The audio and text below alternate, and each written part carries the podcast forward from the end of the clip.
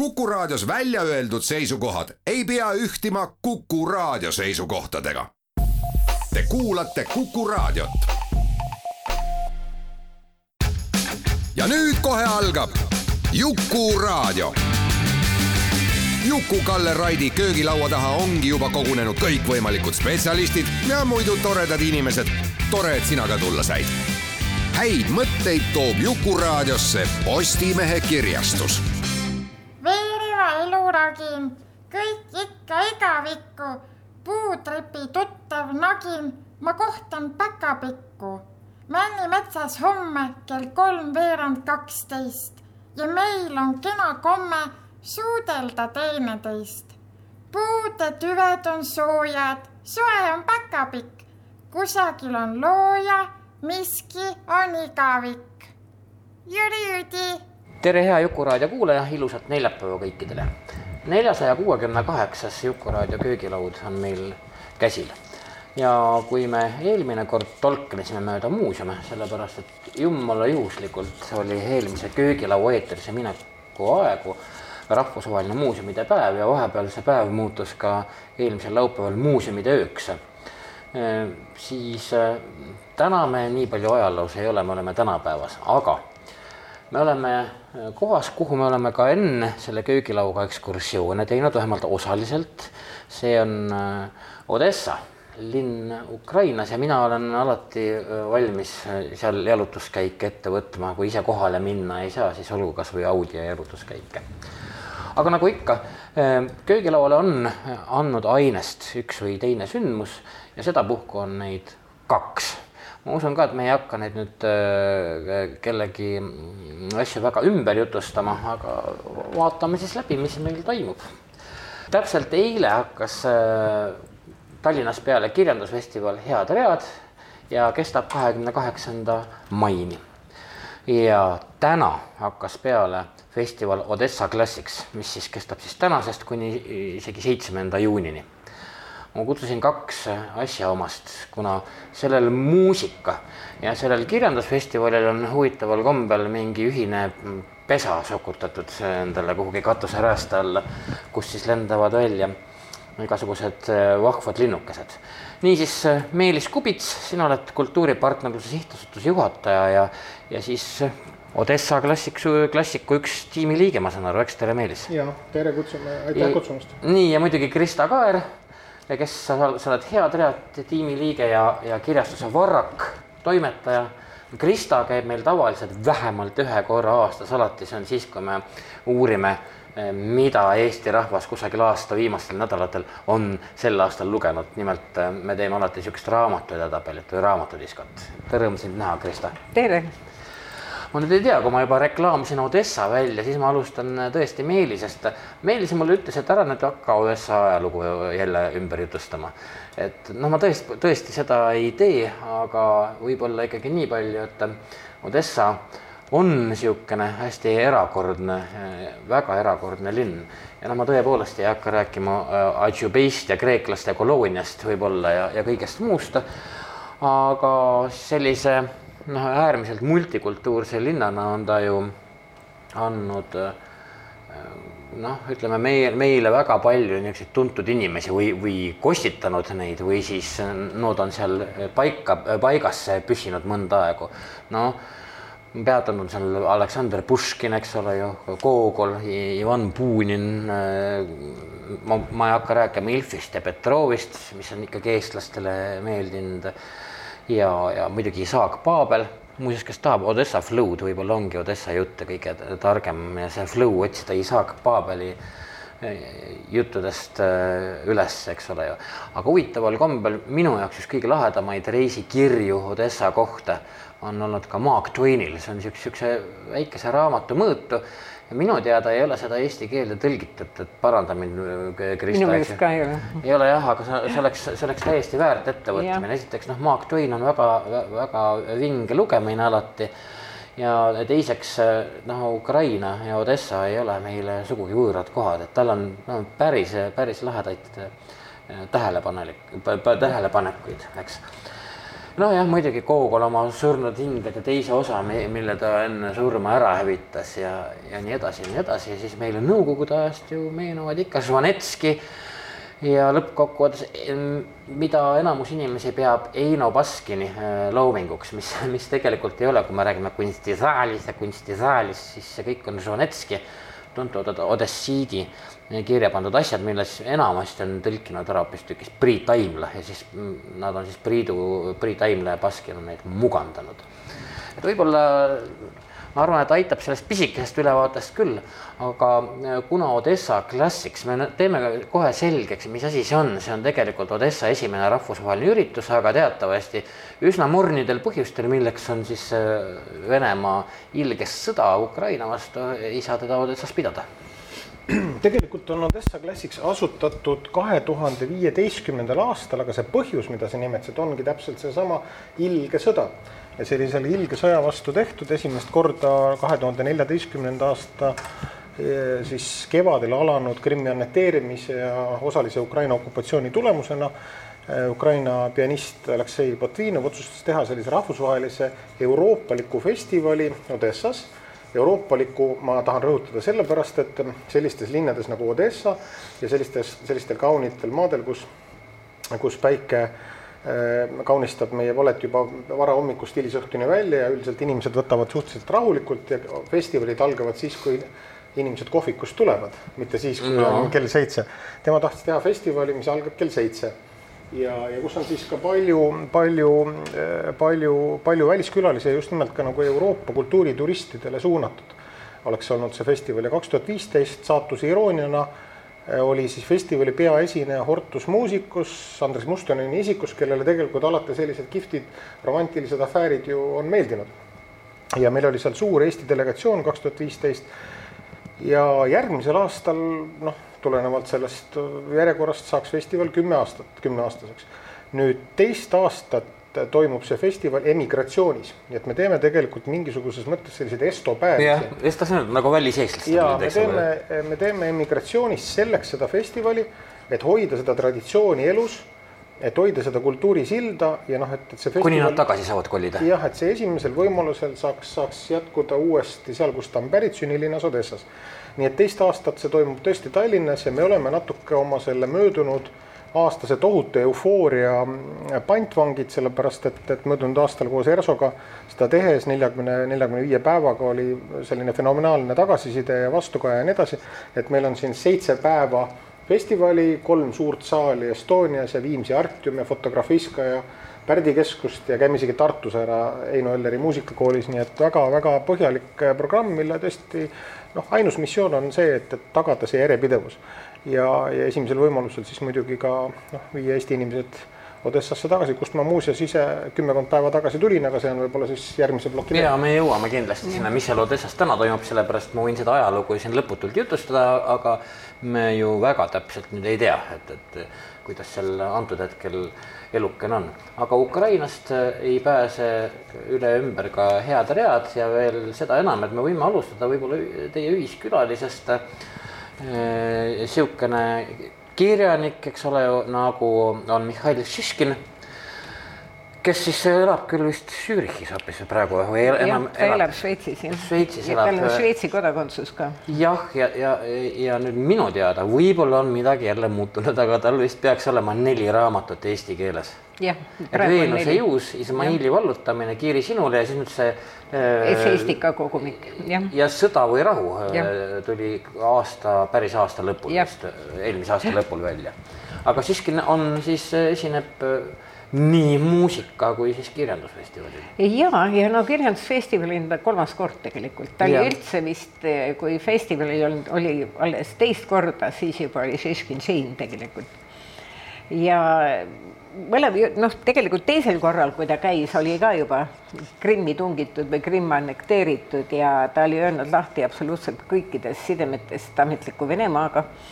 Ja ta oli siis juba Šveitsi kodakondsusega. ja Zürichis ta kolis üheksakümmend viis, üheksakümmend kuus. ta kolis ammu juba, jah ja ja peab küll ütlema, et, et ta on üks selline inimene, kes ei ole oma juttu kõigi nende aastate jooksul mitte kopka eestki muutnud, ta on rääkinud kogu aeg ühte ja sedasama ja iseenesest tema romaanid räägivad ka sellest samast, millest ta nüüd kirjutas oma saksakeelses esseistika kogumikus.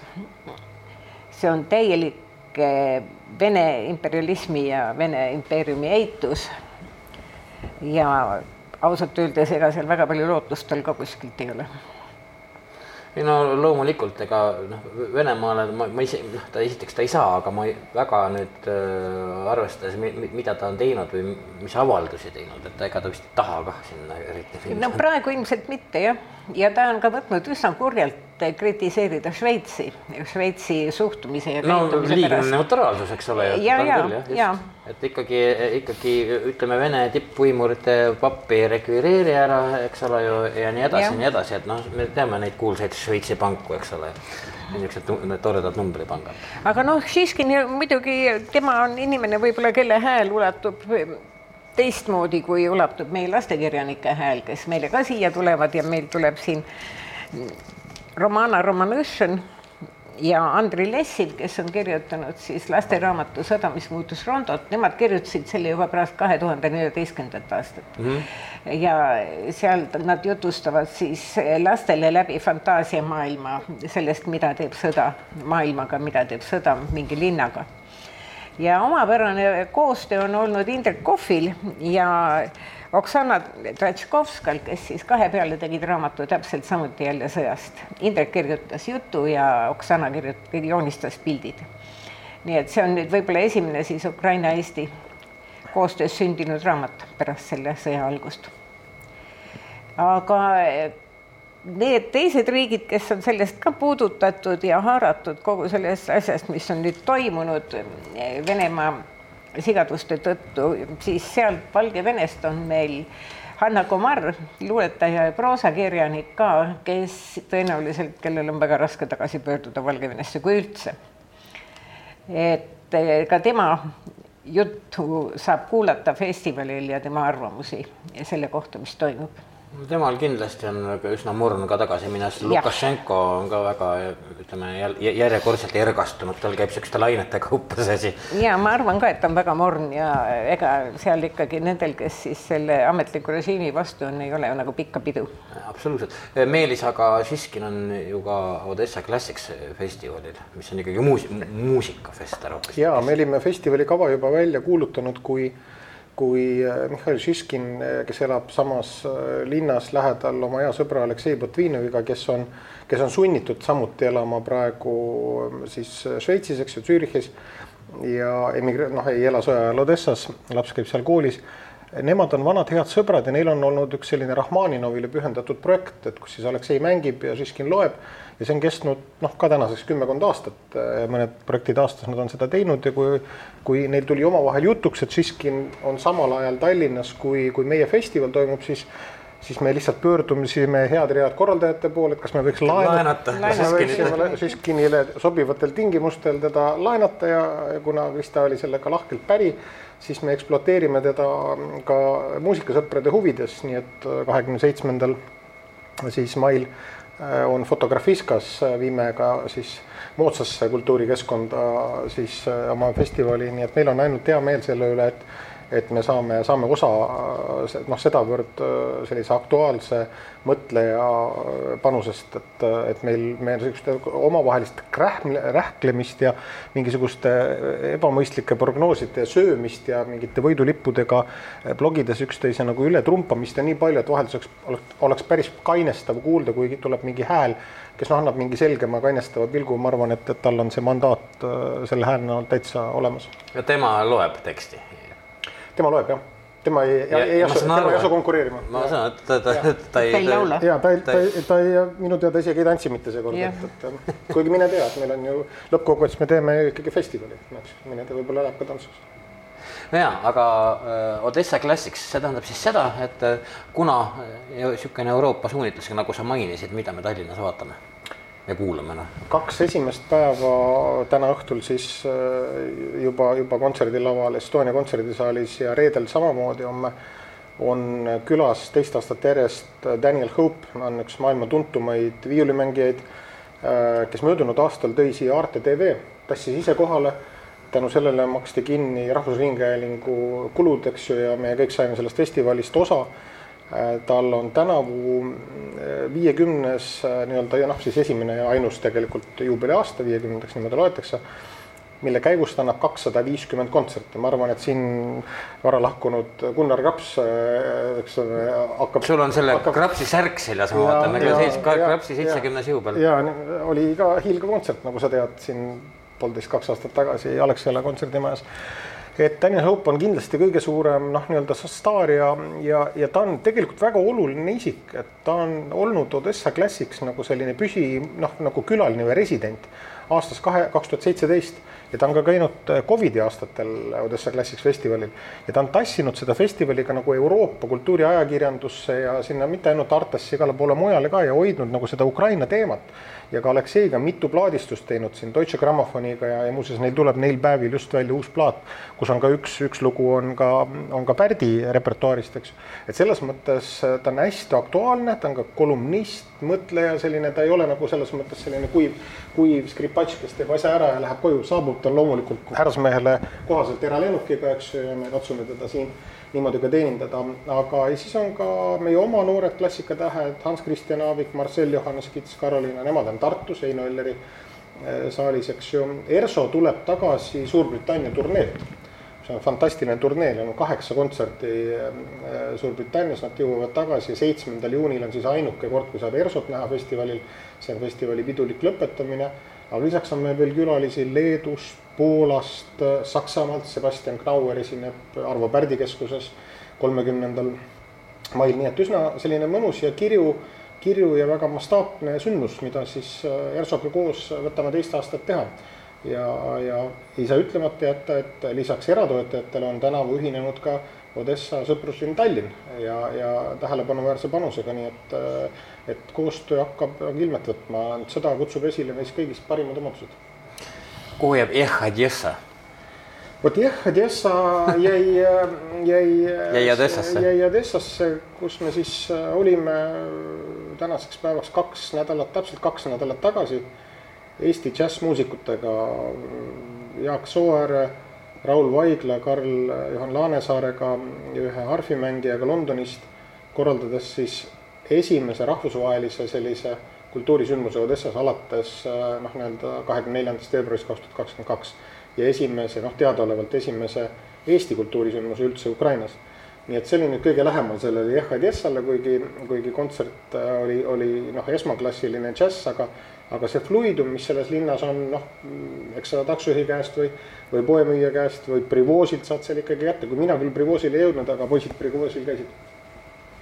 Aga äh, räägime nüüd korraks head read festivist, et noh, et äh, sa mainisid jah siin Ukrainat, Valgevene, aga käiks äh, sutsu veel üht koma teist üle, sellepärast et noh, okei okay,, see on, see on nüüd see äh, võib-olla see ühisosa, see Ukraina ja miks mitte ka Valgevene, sest nad on noh, ikkagi ütleme ühe taignarulli sõtkuda, eks ole, praegu. Jah, neid ma juba mainisin, aga no meil on ka hästi palju on sel aastal külalisi, ligi nelikümmend väliskülalist on ja me oleme alati püüdnud teha seda, et me kutsume lähimatest riikidest endale külalised, nii Skandinaaviast, muidugi Soomest kui ka Lätist, Leedust. Lätist on meil sel aastal kaks luuletajat ja Leedust on siis ka Eestis väga popp kirjanik Kristiina Sabaljevskaite, kes on kirjutanud Peetri Keis Rinna. juba see, et ta nõustus siia tulema, on ausalt öeldes suurepärane. kas ta ma... on pirtsakas või? No ta on väga hõivatud ja väga palju kutseid ilmselt ja ta kirjutab ja ta on kunstiajaloolane, nii et sinu mainitud raamat on muuseas äh, väga valgustav, et see on jah, ütleme ajalugu romaanis, aga ikkagi väga vinge. ja, ja siis eh, muidugi üks esineja kindlasti, keda tasub kuulama tulla, on Antoni Horovits. ma, võib-olla kõik eestlased ei ole tema raamatuid lugenud, kuigi ka neid on eesti keeles üsna palju välja antud.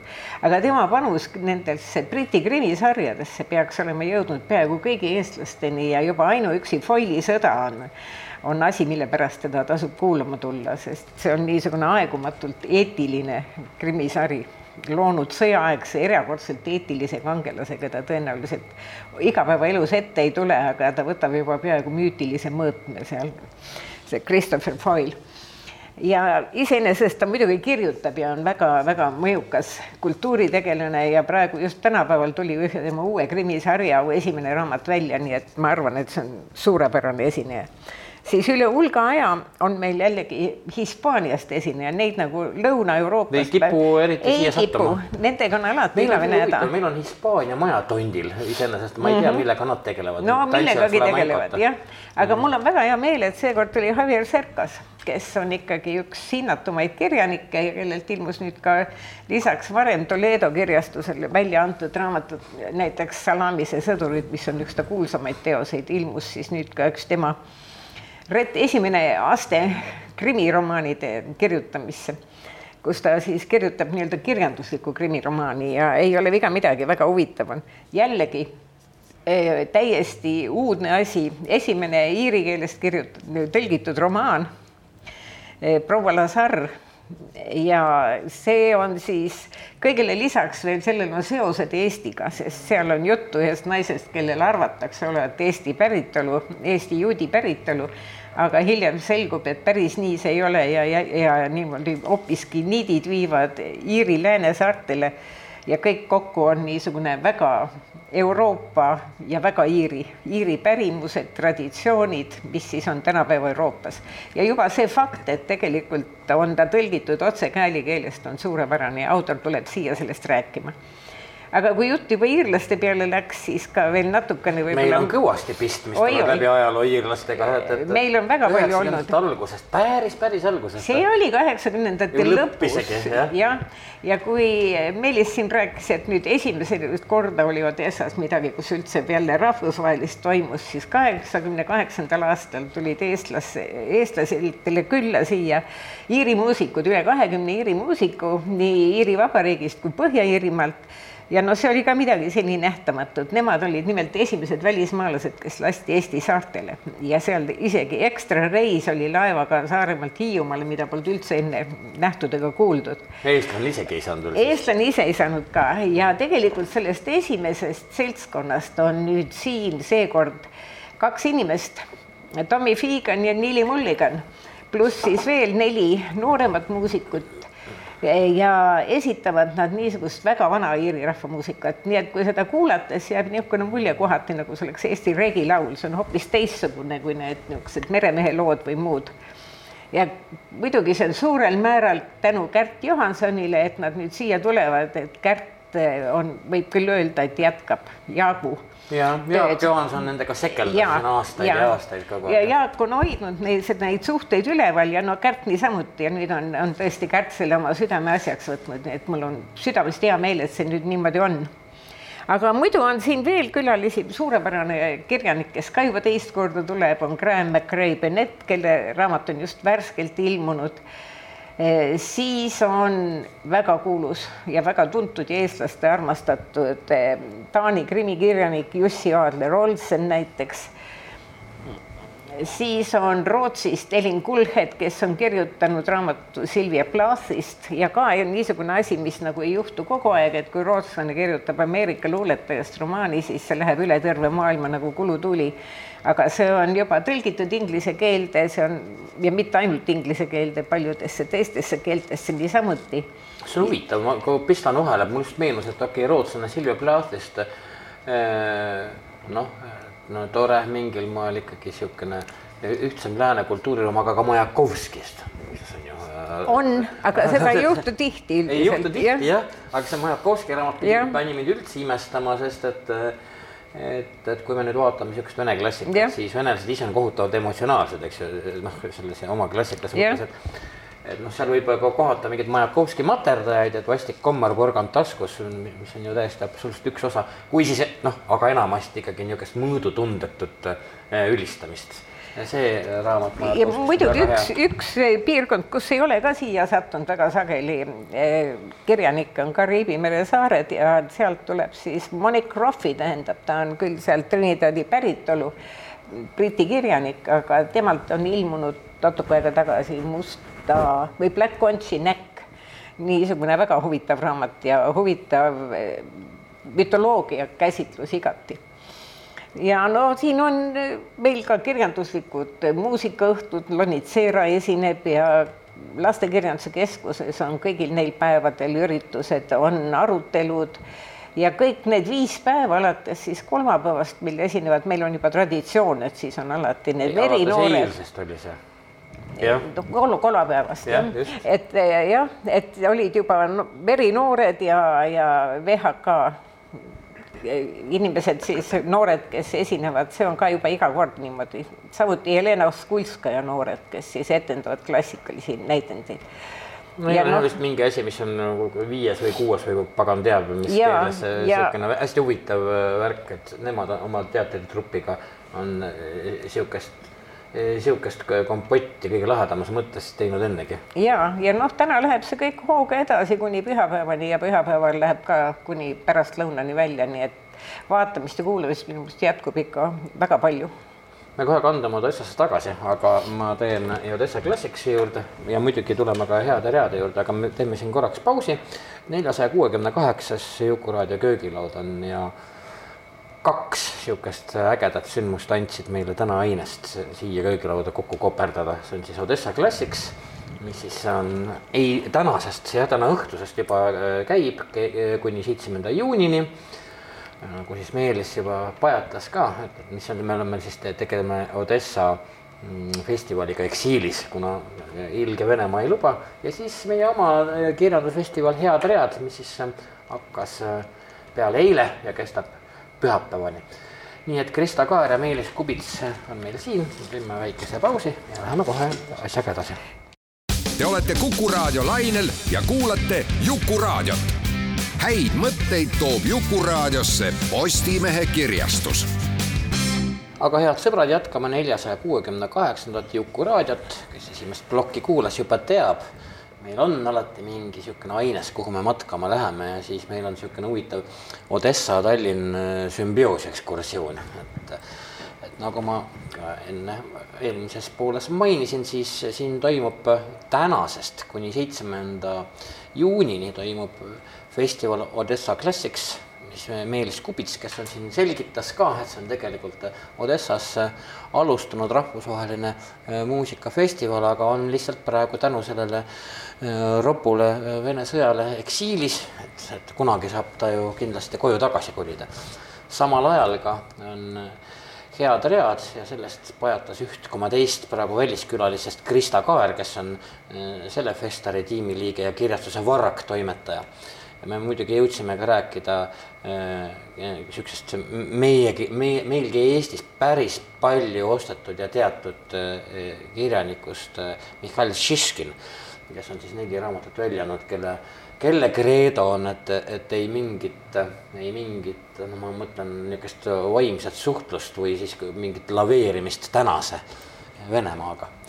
aga kuna Krista rääkis eelmise ploki lõpus veidikene just head read esinejatest ja me lõpetasime iirlastega, siis me nüüd teeme paralleeljalutuskäigu Odessas, kuna Meelis, sina no jõudsid veidikene muusikast äh, rääkida, aga mul on kohe paar küsimust või mul muidugi tuleb kohe meelde, et soovitus. ma ei tea, kas see enam ripub ERR-i Jupiteris üleval, aga ta on Youtube'is kindlasti ingliskeelsete subtiitritega täies mahus ilusti vaadatav, on niisugune Svanetski sellistest süžeedest või, või, või, või piltidest kokku pandud Odessat üsna hästi iseloomustav täiesti jabur film nagu Odesski parahodik, Odessa aurik, mis mulle väga meeldib ja noh, see on väga tore rännak iseenesest Odessa, kus siis kuuleb ehtsat odessa keelt, mis siis lõppkokkuvõttes on mingi teatud moel muteerunud vene keel, noh, siia on oma osa olnud juudid, kindlasti albaanlased, kes seal kunagi on elanud ja mitmed teisedki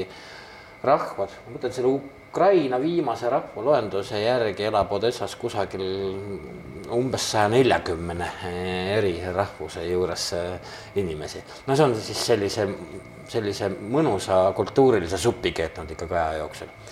Meelsi käest ma tahan hoopis teada, et vaata, sa tead Odessa linnapargi vastas see kunagine esindushotell, mis mis oli ju hästi kaua aega remondis ja, ja kus oli kakskümmend neli tundi avatud õllekas, et kas on ikka veel remondis või?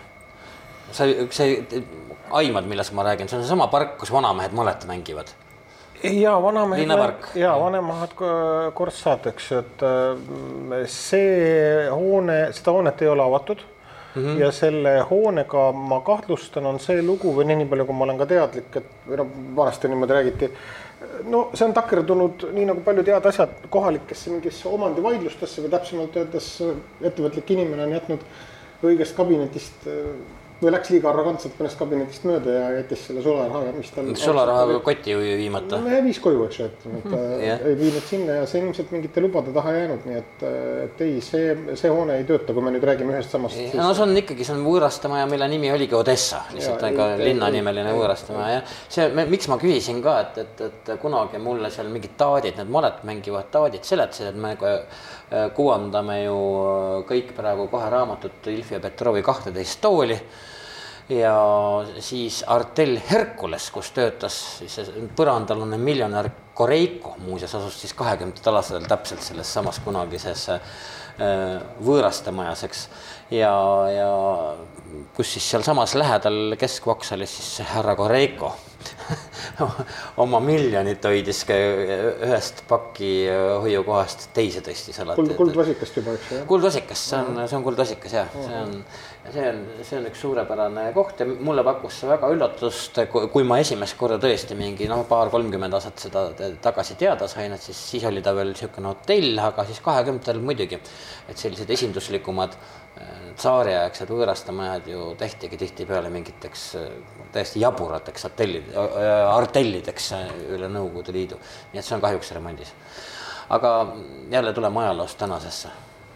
no Odessas on päris mitu sellist objekti tegelikult, mis on jäänud, millega on hooga nagu alustatud ja mis on siis ajale jäänud kas jalgu või või ei ole parasjagu võimul olevad inimesed olnud huvitatud, huvitatud jah, ja kõige võib-olla kõige kõige tuntum neist või selline, selline äh, katkine hammas on see, see hotell Odessa seal, seal Morvaksaalis ehk siis sadamas, eks ju, nii-öelda linnasadamas, mis on noh, igale poole näha. Ja mille õnnetus seisneb selles, et tema, ma olen kunagi seal ööbinud, ma arvan, et kaks tuhat kaheksa või üheksa, aga üsna peale seda pandi ta kinni. ja nii ta seal seisab, varsti juba viisteist aastat ähm, tühjana Kempinski seda manageeris, maailma üks tuntumaid hotellikatte, ei saanud ka nemad hakkama, eks ju.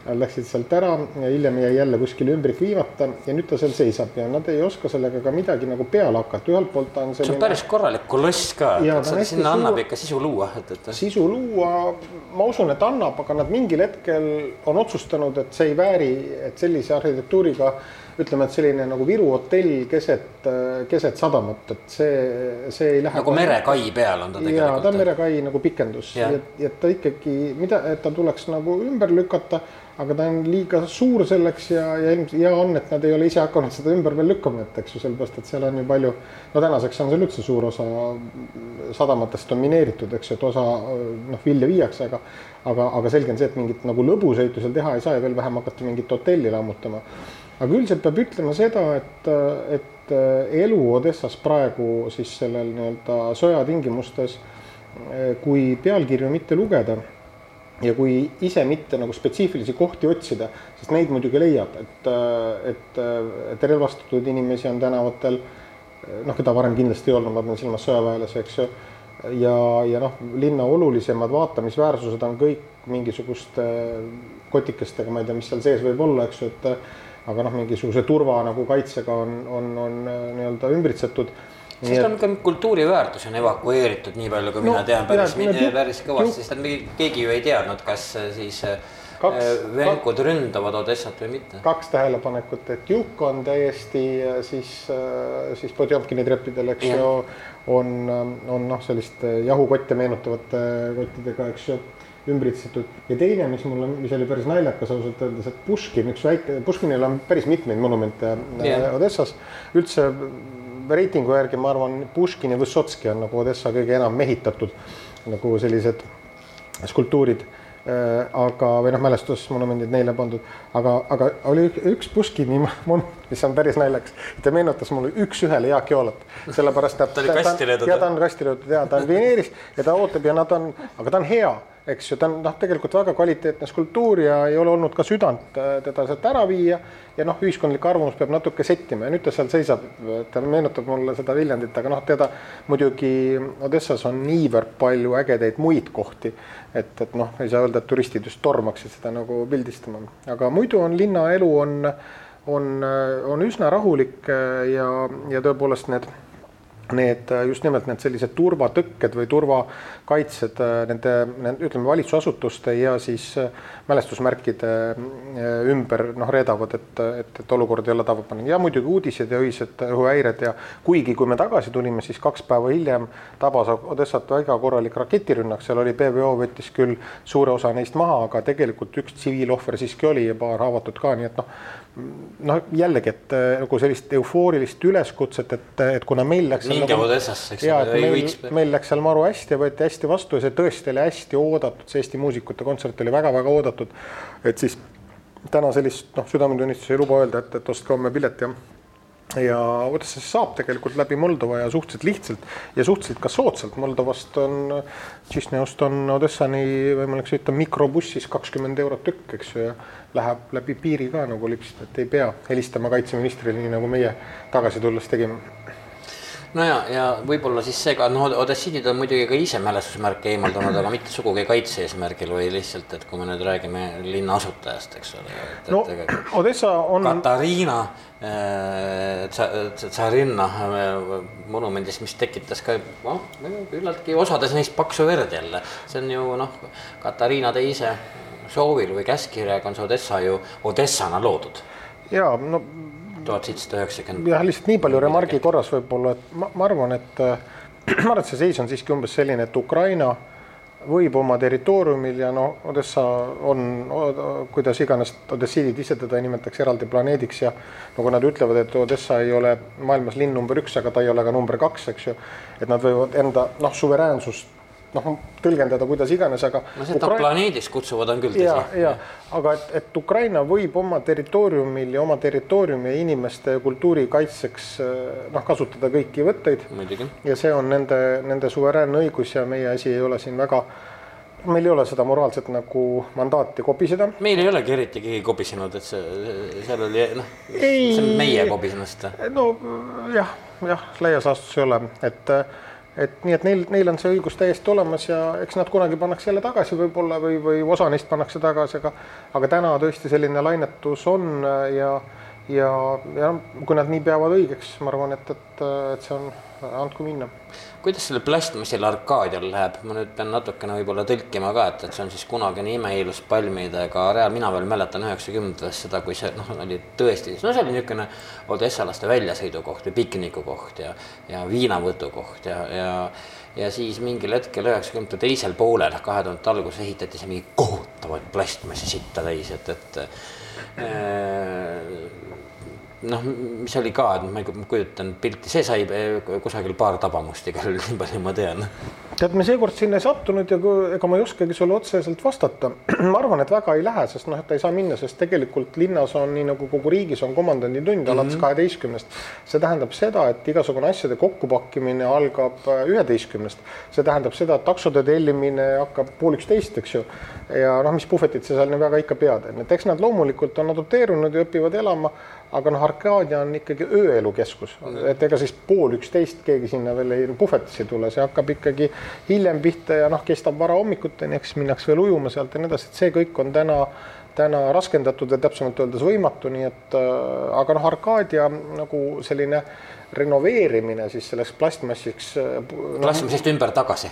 jah, et see, see protsess on üks, mille pärast ka Odessa linnapea on on, on noh, niimoodi ütleme, et noh, ütleme, et on siis nagu sellises dialoogis, juriidilises dialoogis keskvõimuga, sest me ju kohtusime ka Odessa linnapeaga, Kaarel Oja, Tallinna abilinnapea saatis ametlikult meie visiiti ja Odessa linnapea on väga karismaatiline isik, tal nimelt oli jala Võru ümber, eks ju, et ta ei tohi, tohi ka riidi, riigist välja minna, ta tahtis muuseas Šveitsi minna vahepeal, aga aga ei tohi, aga see on, see on selline noh, ma meenutan, et ka Ukraina eelmine president Petro Porošenko on kohtu all, eks ju, et selles mõttes, et demokraatia tegelikult töötab ja, ja keskvõimu ja mõjukate linnapeade suhted, see ei puuduta ainult Odessat, see puudutab ka Klitškod Kiievis, eks ju, või Filatovit äh, Dnipros ja mitmed mujal on, on üsna keerulised et see on selles mõttes hästi huvitav vaadata, et siit vaatad, et noh, et ta on nagu ühtne riik, eks ju, kus kõik nagu sammuvad ühte jalga nagu võidu nimel, siis tegelikult see poliitiline protsess ei ole nagu katkenud ja, ja tegelikult ka poliitilises võitluses noh, kõik võtted on head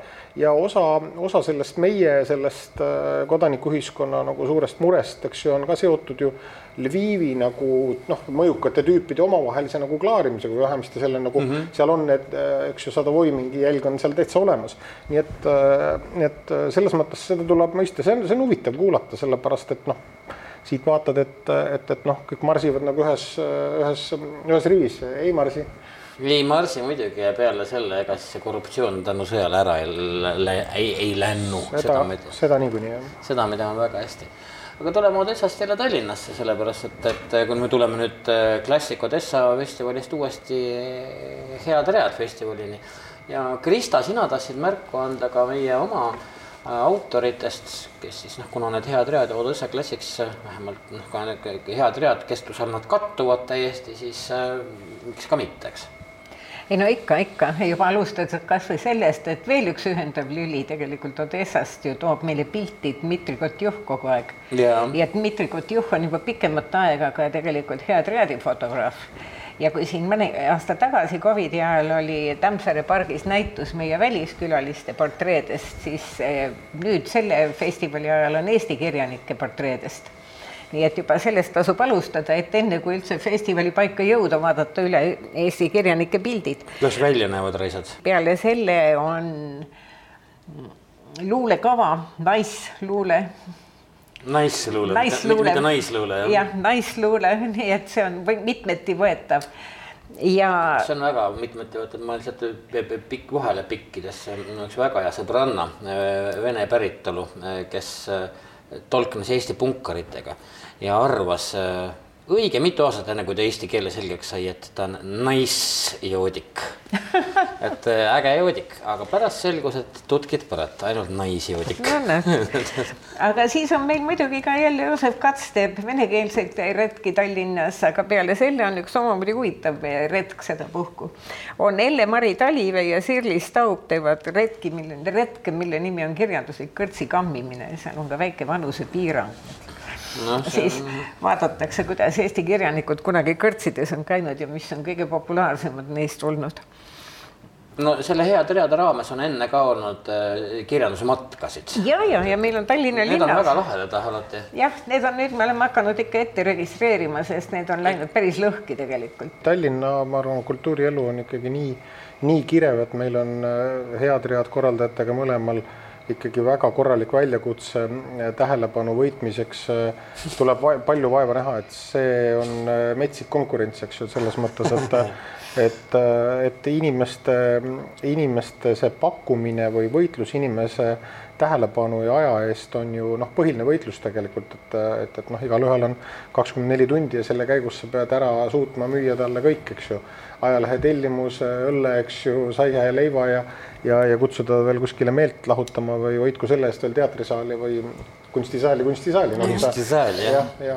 aga ma, ja aga ma Žvanetskiga seoses korra tulen tagasi siia Odessasse, ma enne mainisin kõnet kaitseministrile, et ma võib-olla peaks seda tõlkima natukene, et nimelt kui meie lõbus reisiseltskond hakkas, hakkas äh, tagasi tulema, siis, siis meil oli piiril, Moldova-Ukraina piiril tuli Ukraina piirivalvur tuli sisse ja saades teada, kellega tegemist on, üleüldiselt peab ütlema niimoodi, et me tundsime ennast seal nagu eestlased Gruusias võib-olla kaks tuhat neli või kaks tuhat viis. ühesõnaga väga vingelt ilmselt. ja vot, kes, kes mäletab seda aega, siis, siis see on nagu mingi eristaatus, seda tõesti teatakse, seda Eesti panust ja alates relvaabist ja peaministri välimusest ilma noh, naljat nagu noh, ilma irooniat, tähendab selles mõttes Eesti poliitikute. ilma mingite EKRE-like finessideta. absoluutselt et, et Eesti poliitikuid tuntakse, Eesti kodanikuühiskonna panust ilma igasuguse irooniata tuntakse, hinnatakse ja tuli piirivalvur uksest sisse, eks ju, meie väikesest mikrobussi uksest ja ja siis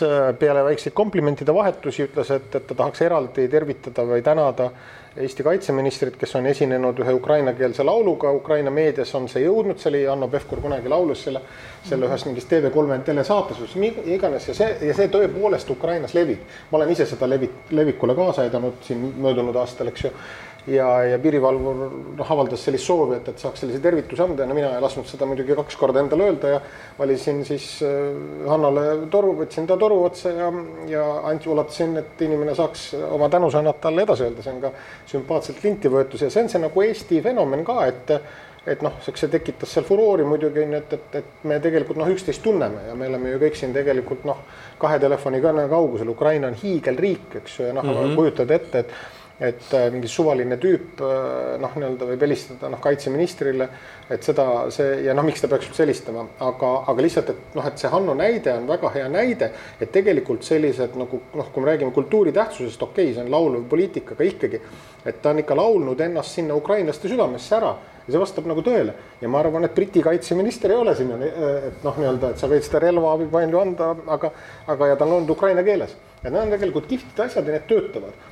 ja noh, üldse kui rääkida kultuuri tähtsusest, siis, siis ikka maru palju on praegu, ma arvan, nagu sünnib sellist Ukraina uut identiteeti ja keelt ja ja, ja kultuuri ja muusikat, eks ju, ja kunsti muidugi ka, et selles mõttes, et see noh, jube aeg noh, nii-öelda provotseerib loomulikult looma ja, ja, ja üldse ei saa alahinnata seda äh, Ukraina muusikute ja kultuuritegijate panust noh, rindel vaimu hoidmises et mm -hmm. me möödunud aasta festivalil ju kogusime annetusi Odessa sõjaväeorkestri toetuseks, et nad saaksid endale neid kaite äh, kuuliveste osta, see oli hästi aktuaalne veel noh, nii-öelda yeah. mais-juunis, eks ju.